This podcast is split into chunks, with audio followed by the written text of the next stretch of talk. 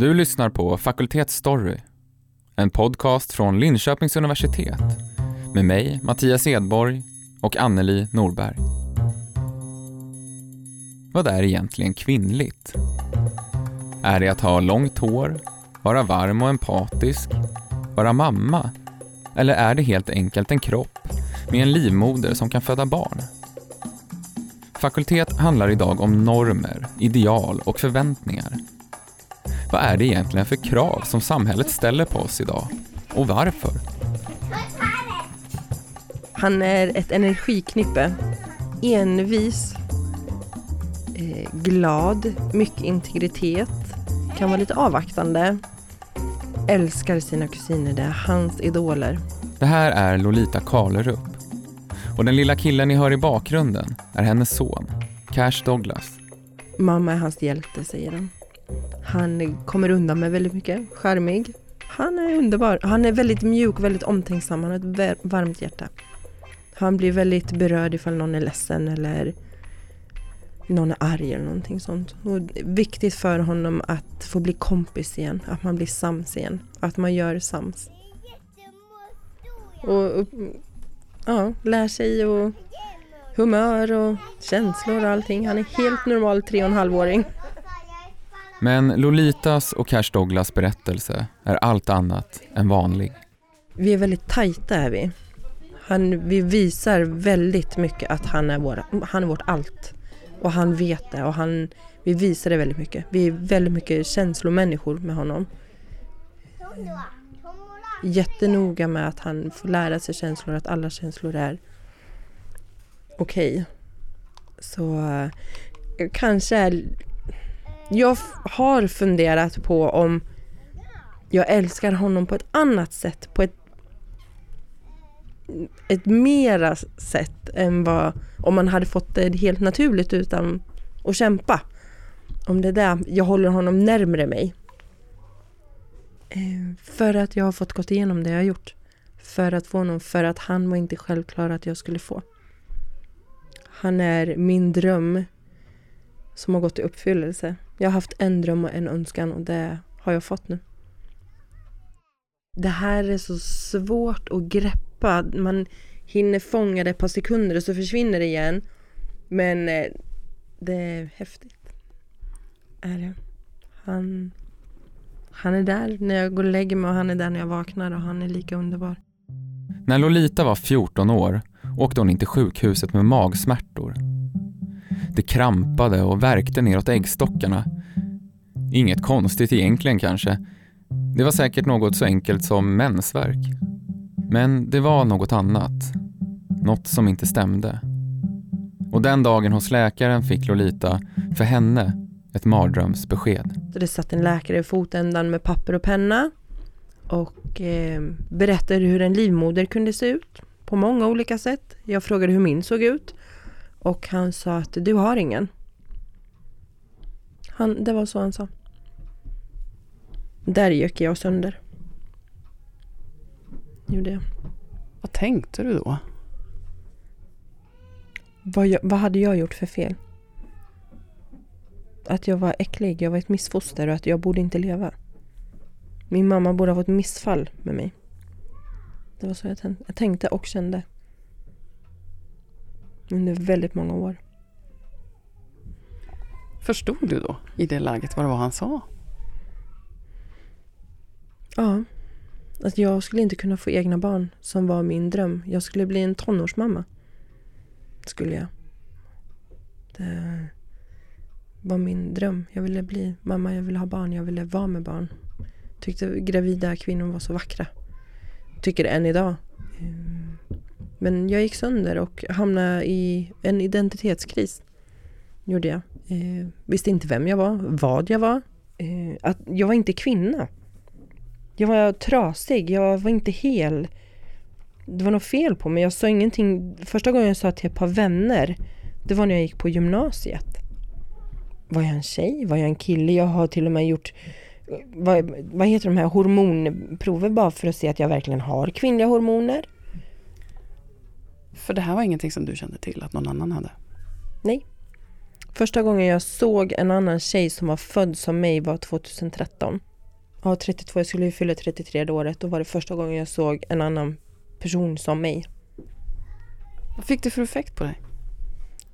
Jag var arg. Jag, har, jag tror jag har varit arg i så många år.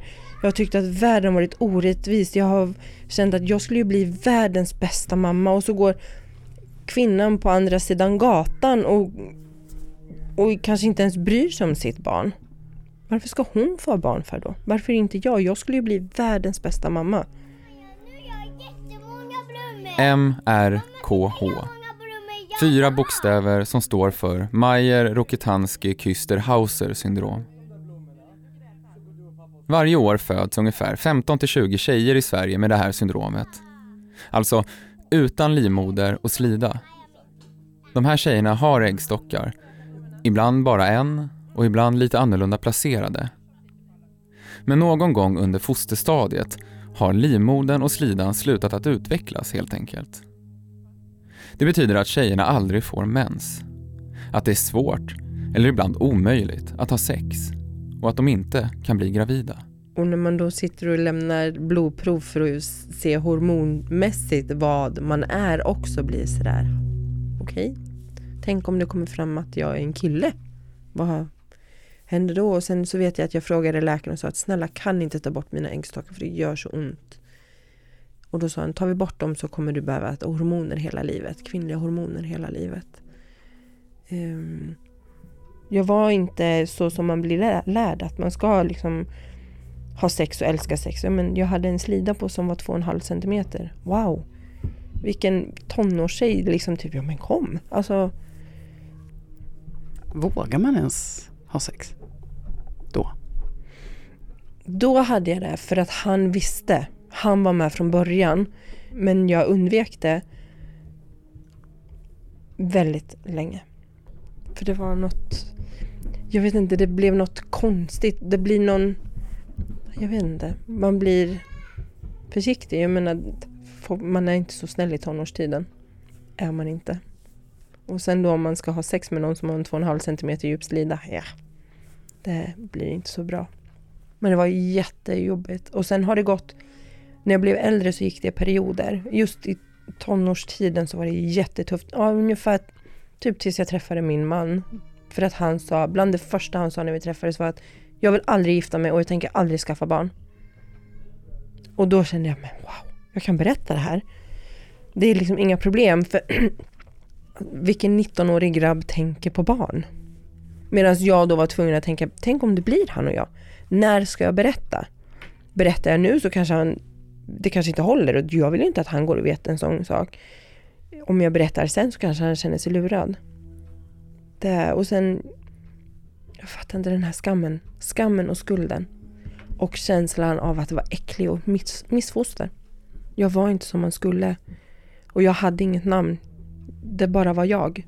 Det är jättemärkligt hur fyra bokstäver kan göra så mycket att jaha, är det så? Okej, okay, jag har något, ett namn, jag kan säga att jag har det här och det blir mer accepterat. För att förr när folk tjatade på. Vissa perioder så var jag så här, ja men fast det är inte mitt fel. Och så kunde jag säga, nej men jag kan inte få barn. Då såg man hur obekväma och osäkra de här personerna blev. Jaha, okej, hur ska jag säga nu då? Vad ska jag säga nu? Och antingen pratade de bort det eller så fortsatte de. Ehm, kompisar som gjorde abort, de tyckte det var jättejobbigt. att berätta. Ehm, det har varit tufft, det har varit ett virrvarr, det har varit ensamt.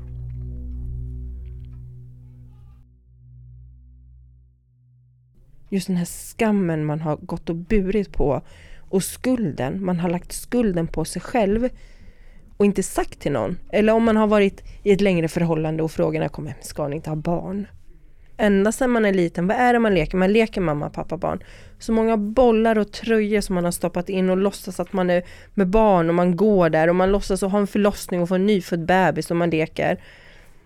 Det är ju så man ska göra.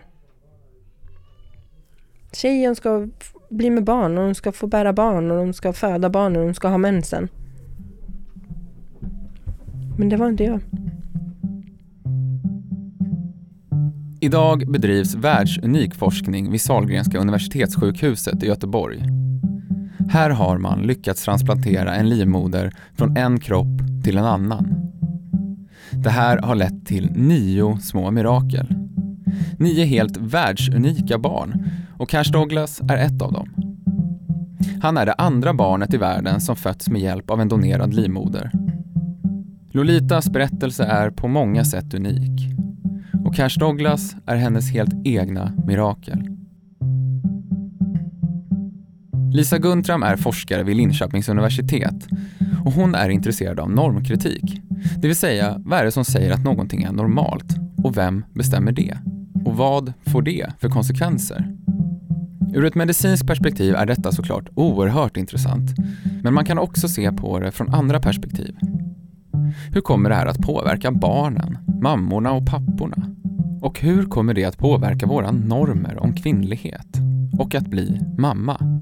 Genom att titta på eller lyssna till de här berättelserna som berättar om det som, som vi kanske aldrig har hört talas om och som är väldigt, som är väldigt nytt för många. Att just ja, men vaginan eller livmodern eller både och kan saknas från en kropp som vi som både där individen då själv som vad ska man säga, har den här kroppen har tänkt ska finnas där och vad alla andra runt omkring också har förväntat sig att de här sakerna bara finns där i kroppen. Varför har vi på något sätt bestämt att de här sakerna ska finnas? Då kan vi säga att ja, men det är statistiskt mest vanligt. Vi har gjort den här uppdelningen. Men, men det blir ju lite för enkelt att säga att ja, men det är bara för att, för att det är vanligt. För det finns ju andra saker som också är vanliga som vi inte kategoriserar på samma sätt. Så det har ju också genom mänsklighetens historia fått en väldigt stark kulturell betydelse. Kanske just det här att kunna att kvinnokroppen är den kroppen där barn där barn bärs. Liksom. De är där inne. Fostret finns där inne och växer där inne. Det kommer ju med vissa förväntningar då, kanske framförallt kopplingar både då mellan kvinnlighet och moderskap också. Att de hänger väldigt nära ihop. Att vara, att vara kvinna, det är också, innefattar också en förväntan på att någon gång vara eller bli mamma. Liksom. Och vad, vad blir mitt liv nu och hur ska jag hantera det här och vem kommer vilja ha mig nu?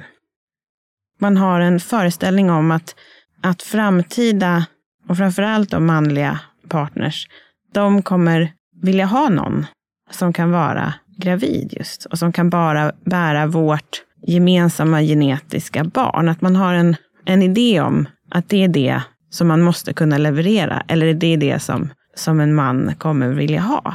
Och, och sen visar det sig att så var inte alls fallet. Det är inte alls det alla förväntar sig. Men jag skulle säga att säger någonting om att det fortfarande finns ganska snäva idéer om vad män och kvinnor både vill ha och vad de ska vara. Det här är nog många som kan relatera till. Att normen och kraven är så starka att om de inte följs så blir man någonting annat. Man passar inte in. Det höjs på ögonbryn och pratas bakom ryggen bara för att jag inte vill ha barn. Är pressen så stor att vi känner att vi måste skaffa barn även fast vi egentligen inte vill? Och hur påverkar det våra relationer? Trots att vi kanske då i Sverige har en, en, en stark och lång tradition av, av kvinnlig liksom, frigörelse och att vi också har en, ja, men ett, ett samhälle där vi har arbetat mycket för sådana här strukturer som föräldraförsäkring och ja, jämställda arbetsvillkor och så, eh, så finns det ju fortfarande en, en ganska stark förväntan på att en kvinnas liv innefattar att både få och vilja ha barn fortfarande. Det är, ett, det är på något sätt att gå utanför normen om man, om man inte följer den liksom livsbanan eller idén om den livsbanan. När man lyssnar till den här typen av berättelser och de här individernas erfarenheter, då kan vi ju ena sidan se de där normerna och vad de förväntningarna, vad de får för konsekvenser i individers liv. Saknar jag en vagina, om det då finns en väldigt stark norm kring, kring penetrerande samlag, ja då kanske jag känner att det finns inget annat alternativ än att jag ser till att jag får en vagina då. Jag, jag behöver verkligen den. Um, och på det sättet så, gör vi, så kan då vissa medicinska behandlingar exempelvis bli helt okomplicerade och oproblematiserade. För vi tänker att ja, men det är klart att man måste tillgodose det behovet.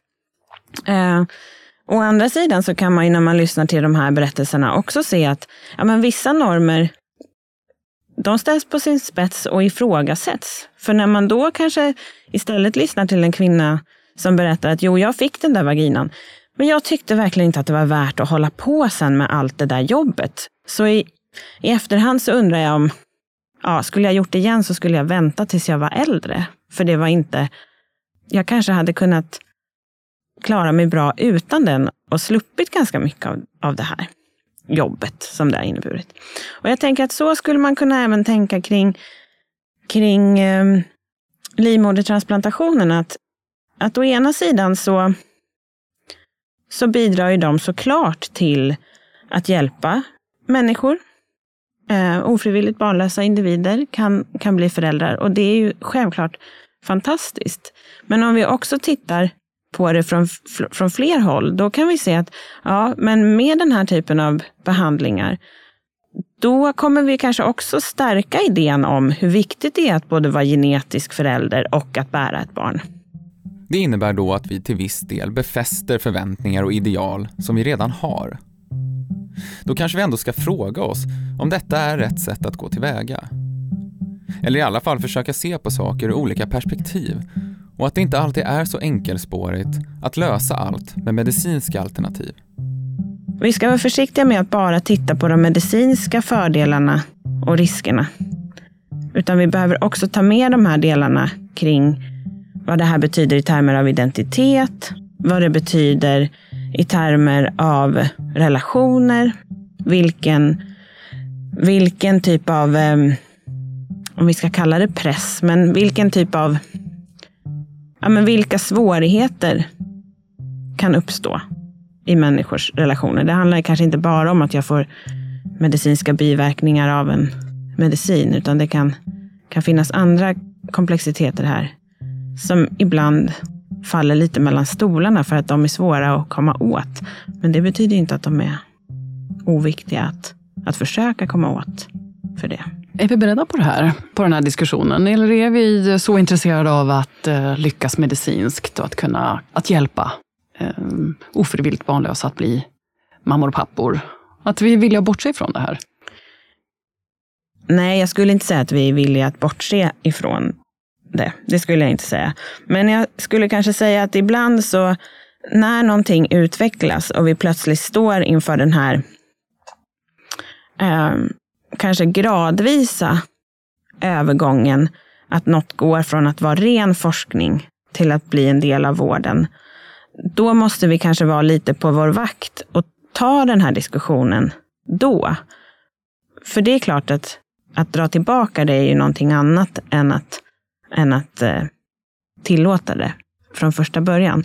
Så att jag, jag tror framförallt att nu är liksom tiden till att ta den här diskussionen och fundera kring de här frågorna. Vad är det vi behöver titta på?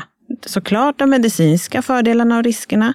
Vi behöver titta på patienternas perspektiv. Vi behöver titta på samhällsperspektivet. Och det behöver man göra med många olika glasögon på. Och det är väl det som är kanske en av de tydligaste sakerna som, som jag kan se i min forskning. Att det, det på något sätt, eh, i och med att vi får fler och fler medicinska möjligheter att att eh, hantera den omöjligheten att få att bära barn, så, så kan vi också se då att ja, men då kanske normen att man ska bära barn förstärks. Så det, där tänker jag att där är det någonting som man behöver vara lite uppmärksam och lite, ja men man behöver tänka till kring det, vad, vad de här medicinska behandlingarna gör. Jag, de, är, de hjälper otroligt många människor. Så jag vill verkligen inte nedvärdera det, det bidraget. Men vi måste också säga att det kan ju vara så att, att för vissa så kanske inte bärandet är jätteviktigt. Och jag skulle lika gärna kunna adoptera. Men som, som det ser ut ibland så kanske det till och med är lättare att få hjälp med medicinsk behandling. Lättare på vilket sätt? Eh, för jag, just i det svenska systemet så är det ju bara en ekonomisk fråga att det är väldigt mycket dyrare för individen att adoptera ett barn. Det är en faktor. Sen är det ju olika också om vi tänker kring vilka möjligheter man har att, att få ett barn så, så har det blivit de senaste åren allt svårare att adoptera och det, det är färre länder, eller färre länder som adopterar internationellt och så. så man kanske kan säga att vi skapar ett, också ett större behov av den medicinska behandlingen när vi plötsligt har tillgång till den. Alltså då, det skapas ett behov när plötsligt en behandling finns där. Och så kanske vi vill att det ska vara, men vi behöver, vi behöver inte bara ta, ta det för givet. Det var en läkare som sa för ett tag sedan att jo, men eh, vår forskning går ut på att få fram så mycket underlag som möjligt. Och sen är det upp till politikerna, att, eller beslutsfattarna, få besluta huruvida det här ska bli en del av vården. Och jag tänker att jag ser på min forskning på samma sätt. Att mitt, min uppgift är också att, att bidra med ett underlag. Och att underlaget blir varierat. Men med helt andra glasögon än vad de eh, glasögonen som man har på sig i den medicinska forskningen ger för, för perspektiv. Men det är inte svårt att vrida klockan tillbaka. Vi vet att vi kan göra det här. Vi vet att det är möjligt. Mm. Är det då inte väldigt, väldigt svårt att säga, nej, vi gör nog inte det. Jo, då det tror jag. Det tror jag också.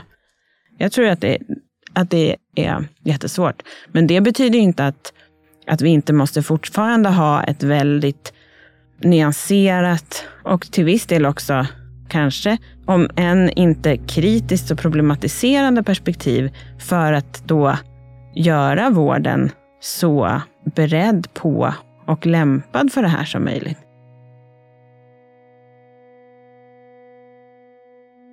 Jag kommer ihåg att vi var på en träff för, var det två år sedan kanske? Med tjejer som har MRKH. Där slog det mig första gången. Här sitter jag. Jag ser i din blick exakt samma smärta som jag har haft i så många år. Och här sitter jag och jag vet att du sitter och tittar på mig. Varför hon? Varför inte jag? Då fick jag en ny fråga, eller en ny tanke. Vad är jag nu? Jag har MRKH, men jag har mitt barn. Vart faller jag in nu? För ett tag, just när det här projektet startade och jag fick namnet på vad jag hade, då var det ett lugn för jag tillhörde någonting. Jag var inte ensam, det var flera. Och sen är det de här som jag har träffat, alla har, vissa har inte ens fått en sorg. Jag fick en jättedjup depression och en sorg och liksom var trasig. Och idag är jag hel. Så det gör ont att tänka tillbaka. Men jag är hel idag. Och jag gör det här, jag går ut offentligt för att nästa 14-åring som får det här beskedet inte ska behöva bli lika trasig som jag har varit.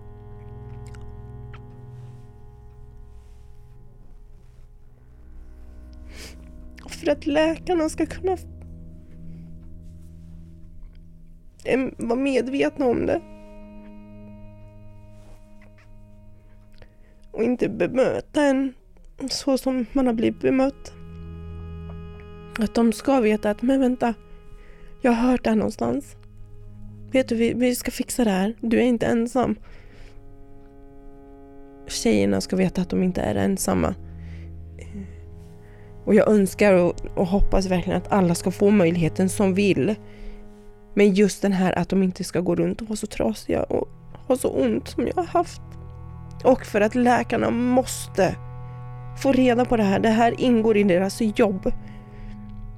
Gör det. Och de måste få veta vad det är. Det är så viktigt för det börjar hos dem. Det är deras bemötande och deras kunskap som sätter hos tjejen, patienten, hur de ska hantera och hur, hur man ska gå vidare.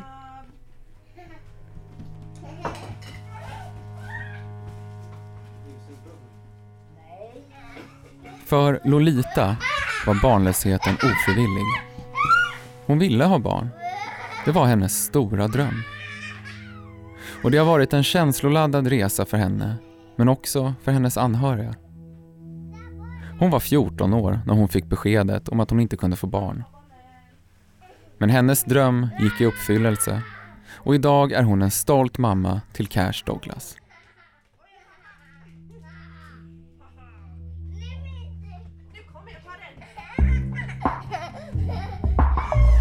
Du har lyssnat på Fakultets Story. En podcast från Linköpings universitet med mig Mattias Edborg och Anneli Norberg som också gjorde intervjun med Lolita. Vi hörs igen nästa vecka.